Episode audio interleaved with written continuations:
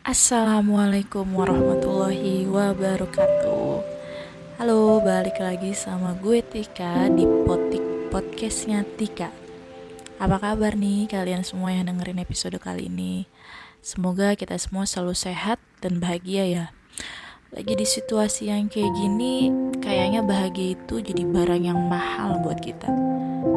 By the way, udah lama banget nih gue gak cerita di podcast gue dan kali ini gue bakal cerita tentang kehidupan pribadi gue lagi. Ya, kehidupan pribadi gue yang mungkin dari cerita ini ada yang ngalamin hal yang sama dengan gue dan mungkin bisa jadi support system bahwa lo itu bisa ngelewatin hal yang sama kayak gue dan bisa fight buat keluar dari satu kondisi terus nikmatin hidup hidup ini dan ngambil bahagia yang emang seharusnya udah jadi punya kita. Oke, episode ini gue mau cerita gimana gue fight untuk keluar dari pergulatan batin gue selama entah itu belasan tahun atau berapa puluh tahun. Umur gue sekarang 30 tahun. Umur yang ya udah sangat matang dan dewasa banget gak ya? Buat ngehadepin segala hal-hal ajaib dalam hidup ini. Ya mungkin saat umur gue belasan gue bener-bener baru memulai dan ngerti bagaimana ngerasa hidup yang beda. Hidup yang beda tuh maksudnya gimana ya? Sebelumnya FII gue adalah anak kedua dari dua bersaudara. Kakak gue laki-laki dan sekarang dia udah nikah dan punya anak Terus hubungannya apa dengan perbeda dengan hidup lu yang beda itu hubungannya apa ya Tik? Jadi perbedaannya itu selain gue beda jenis kelamin udah pasti, tapi perbedaannya di sini itu adalah perbedaan bagaimana orang tua dan keluarga gue memberikan perlakuan dan didikan yang berbeda kepada gue dan kakak gue. Entah dari mana gue harus memulai awalan cerita ini. Mungkin cerita ini gak akan berurut dan gue akan cerita dengan hal-hal yang mungkin masih gue inget. Karena sejujurnya setelah gue berdamai dengan keadaan ini, gue perlahan menghapuskan kesakitan itu dan nyimpen dalam-dalam supaya gue gak ke-trigger untuk kembali ngerusak mental gue. Lalu kenapa gue mutusin untuk cerita ini kalau gue takut ke-trigger lagi? Ya karena gue tahu di luar sana ada orang yang mungkin lagi ngalamin hal yang sama kayak gue dan bingung gimana cara ngadepin hal tersebut. Karena jujur, saat itu pun saat gue ada di kondisi itu, saat gue ada di keadaan itu, gue sempat lebih memilih buat mati dibanding harus ada, tapi seperti gak ada. Dan mungkin dengan gue gak ada, orang tua dan keluarga gue bakal lebih ngerti gimana rasanya menghargai sesuatu yang ada dan ngerti gimana rasanya sebuah kehilangan dan sampai separah itu. Mungkin buat sebagian orang cerita ini cuman kayak ah persoalan sensitivitas saja lah. Tapi sebenarnya bahaya banget loh kalau hal ini tuh terus menerus terjadi. Bakal bisa nimbulin penyakit mental yang gak kekontrol sih dan alhamdulillahnya gue merasa gue sudah melewati hal itu dan gue masih bisa mengontrol diri gue untuk gue gak sampai terjatuh ke hal yang gak diinginkan lah sebenarnya. Gue dan kakak gue itu beda usia 4 tahun. Dulu waktu itu masih pada kecil dan gue belum terlalu ngerti tentang hidup ya gue ngerasa kayak anak kecil biasa aja gitu yang gue dan dia sama aja. Orang tua kita ngasih perlakuan dan kasih sayang yang sama aja. Nggak ada bedanya. Cuman yang gue ingat dulu uh, kakak gue itu cukup dimanja sama orang tua dan keluarga gue. Dan dulu waktu kecil itu pernah ada kejadian. Kakak gue itu pernah minta suatu barang ya harganya masih bisa kebeli lah sebenarnya sama orang tua gue yang uh, mereka uh, bekerja sebagai uh, karyawan ya untuk harga barang yang diinginkan oleh kakak gue sebenarnya masih sangat bisa kebeli. Artinya keluarga kita tuh berkecukupan lah untuk hal tersebut, untuk hal memenuhi kebutuhan. Saat itu mungkin sih uh, gue berpikir bahwa orang tua gue sepertinya lagi mulai ngajarin ke kakak gue nih buat gak mudah minta sesuatu terus langsung dibeliin. Tapi ternyata treatment yang mungkin mereka kasih itu kayak udah telat gitu loh jadi uh, kejadian ini tuh ya kakak gue sih nggak bukan usia yang terlalu kecil ya untuk ukuran kakak gue gitu. Tapi untuk di usia gue ya gue pada saat itu masih masih kecil karena kita beda empat tahun. Um, ya mungkin orang tua gue pengen mengajarkan bahwa nggak mau nggak mau manjain ini anak lagi nih supaya nggak keterusan gitu. Tapi ya mungkin karena dari dulunya itu uh, perlakuan orang tua gue ke kakak gue apalagi dia anak pertama sangat dimanja. Akhirnya agak susah untuk menerapkan hal itu. Dan pada saat itu dia minta barang itu langsung dibeliin sama orang tua gue dan itu kakak gue itu sampai nangis sekejar-kejarnya ngebantingin barang di rumah gue terus guling-guling di lantai rumah gue dan ya mungkin ya tadi karena dia anak pertama dan dulu sering sakit-sakitan juga akhirnya diturutin lah sama orang tua gue dibeliin lah itu barang. Sedangkan ketika gue mau sesuatu dari kecil itu gue selalu diajarin buat usaha. Ya entah gue nabung atau gue mesti dapat peringkat kelas dulu baru gue bisa dapetin itu barang. Dan itu gue alami saat gue udah masuk usia sekolah dasar. Tapi hal itu ya masih belum gue sadari lah tentang perbedaan itu. Dan kalau gue ngelakuin hal yang sama kayak kakak gue kayak tadi tuh nangis kejar-kejar untuk minta barang gulang-guling atau banting-bantingin barang. Yang ada tuh barang yang nggak barang yang nggak dibeliin tapi yang ada cuman rasa sakit akibat cubitan. Karena um, dulu kalau gue udah cengeng atau gimana pasti gue selalu dapet hal tersebut gitu cubit cubitan yang di tangan lah paha lah perut lah pokoknya ninggalin rasa sakit lah. Dan itu masih gue inget banget rasanya gimana. Dan namanya kakak gue cowok dan gue cewek pasti dia juga ada resenya kan. Dia sering banget tuh bercandain gue dan karena gue masih kecil ya kan paling gue cuma bisa teriak-teriak. Tapi justru bukan manjanya dari nyokap gue yang gue dapet.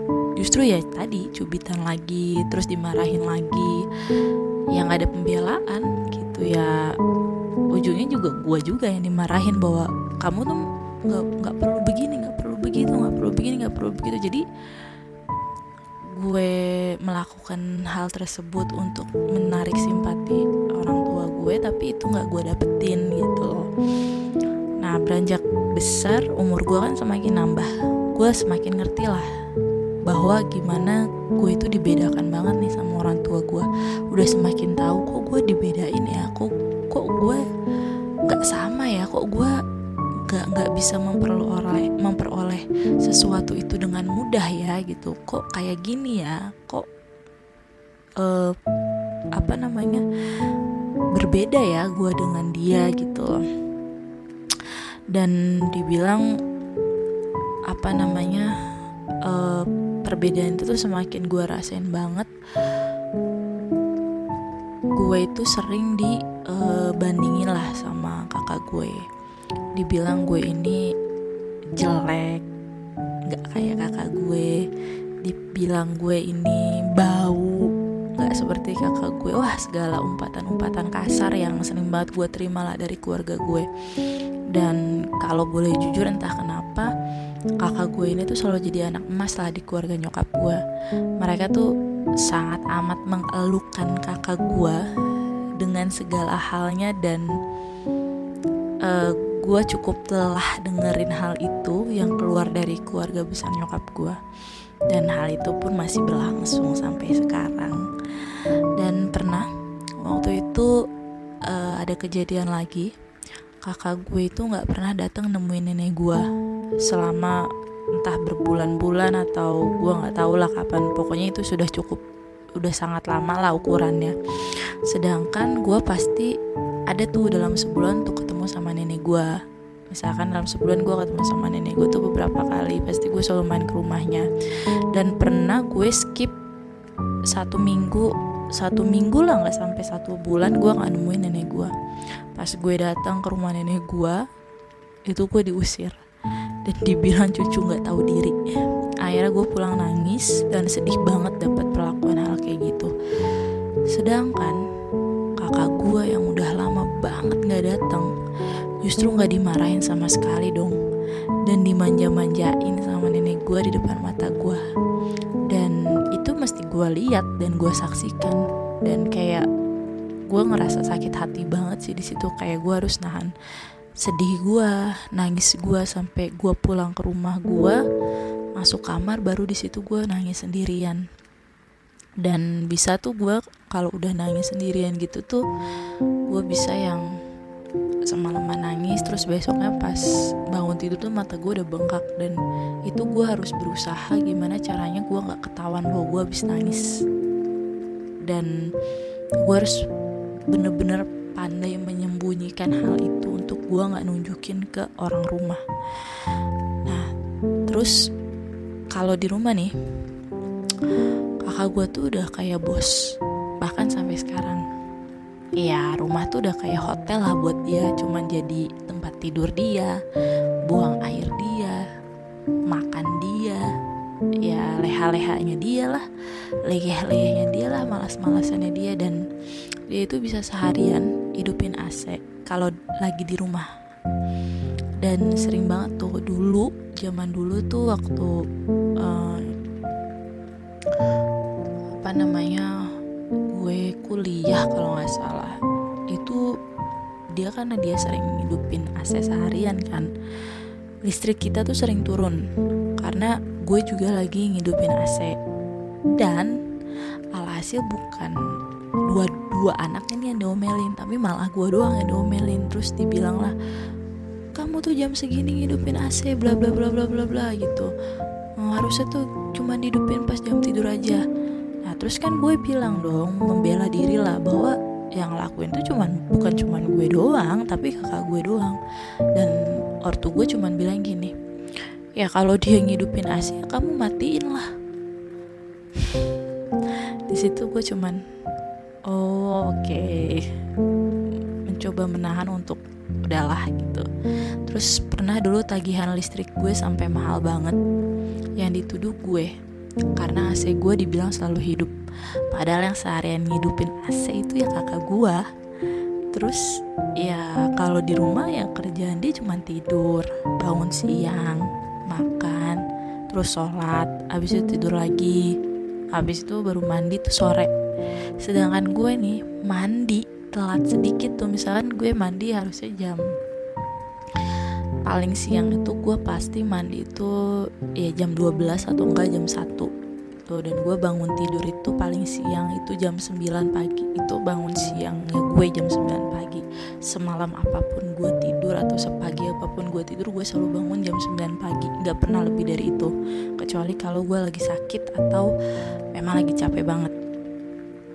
Jadi kalau gue misalkan tadi batas mandi gue adalah jam 12 siang terus gue mandi jam 1 misalnya ya udah gue udah pasti kena ngomel sama nyokap gue dan itu bisa panjang kali lebar. Nyokap gue ngomel dan ngeluarin kalimat kasar yang cukup nggak ngenakin sih. Dan ketika gue ngelakuin pembelaan ya balik lagi ya kakak gue yang selalu dibela. Dan kebiasaan itu sampai sekarang itu juga masih berlangsung dan sampai sekarang pun ketika kakak gue lagi nginep di rumah orang tua gue gitu. Karena kebetulan kan dia sudah pisah rumah dengan kita kan. Ketika dia lagi nginep di sini itu nyokap gue tuh selalu bangun untuk bangunin untuk bangunin dia sholat subuh. Dan terus gue cuman bilang dia itu udah nikah udah punya anak dan udah tua juga umurnya udah nggak perlu digituin. Harusnya udah punya pikiran yang dewasa gue bilang. Tapi ya lagi-lagi nyokap gue belain dia. Dan ya gue sih sekarang udah diem aja ya udah kayak bodo amat lah. Dan kalau dia lagi nginep di sini juga uh, gue itu lebih milih untuk masuk kamar dan ya nyari kesenangan gue sendiri aja supaya gue nggak ngeliat dan ngerasain ada perbedaan itu itu karena gue udah berusaha mati-matian keluar dari hal ini. Terus gue mesti jatuh lagi ngerusak mental gue lagi dengan hal yang sama yang terus berulang dari tahun demi tahun.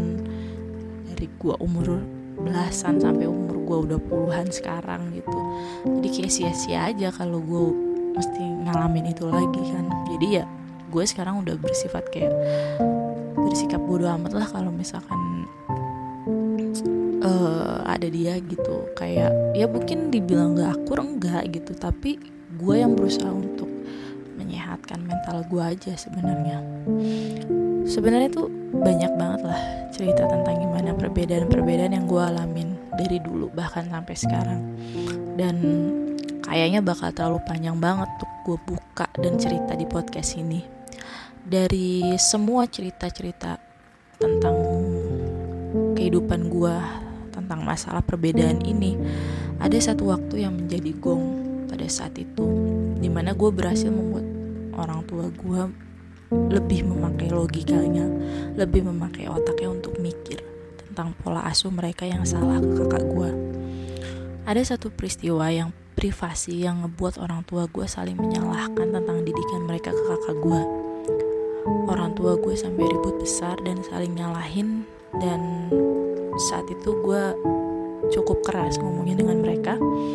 Gue cuman bilang bahwa udah bukan waktunya kalian berdua saling nyalahin. Kalian berdua itu salah dua-duanya dari awal.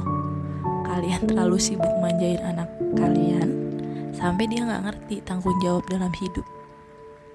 Mereka cukup kaget sih waktu itu pada saat gue ngomong kayak gitu gue cuman bilang bertahun-tahun gue capek nahan ini semua. Cuman ngelihat kalian berdua ngebedain kita dan sekarang lihat kan hasil didikan yang kalian kasih. Dan lagi-lagi mereka di situ cuma diem aja nggak ada pembelaan apa pun dari mereka. Ya karena mereka ngerasa bahwa ya mungkin emang benar apa yang gue omongin.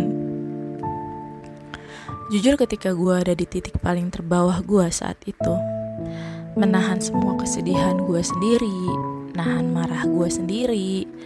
Yang gue lakuin itu gue bisa mukulin tembok kamar gue mukulin pintu nendang-nendang pintu kamar gue ngebantingin semua barang-barang yang ada di kamar gue termasuk isi lemari gue itu bisa gue keluarin semua.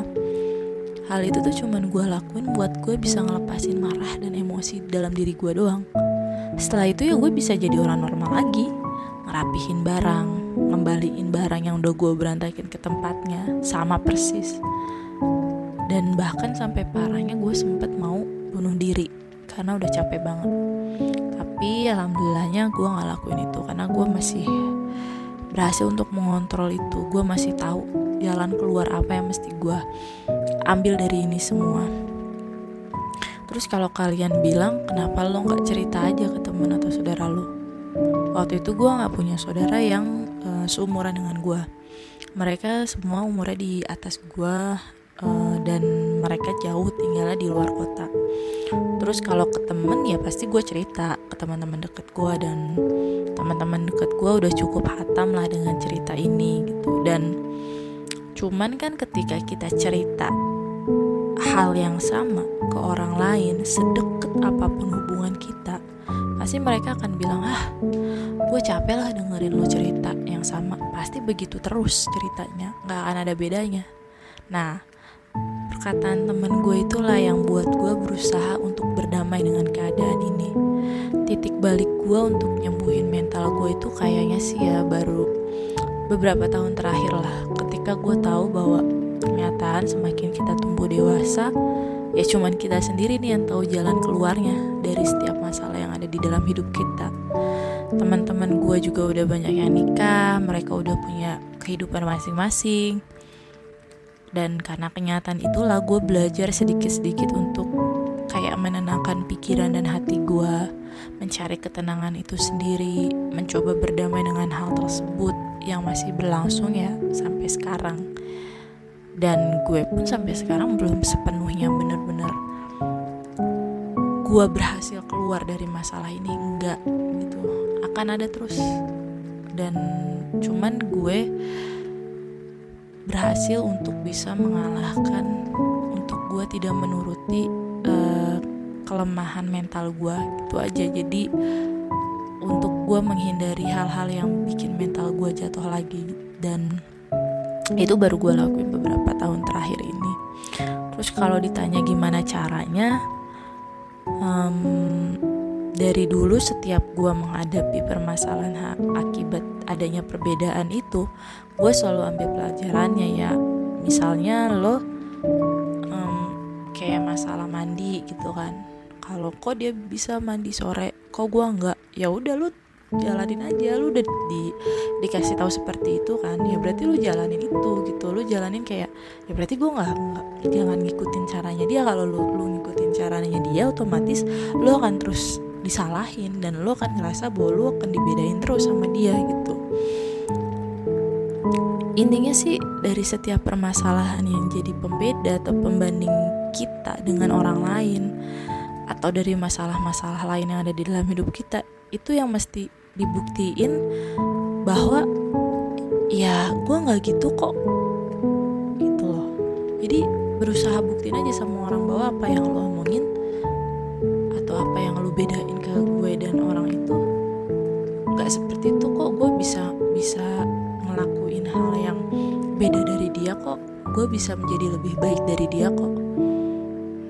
Terus cara berikutnya adalah ketika lo berada di titik terbawah ya lo lebih baik diam atau lo berkata sedikit aja.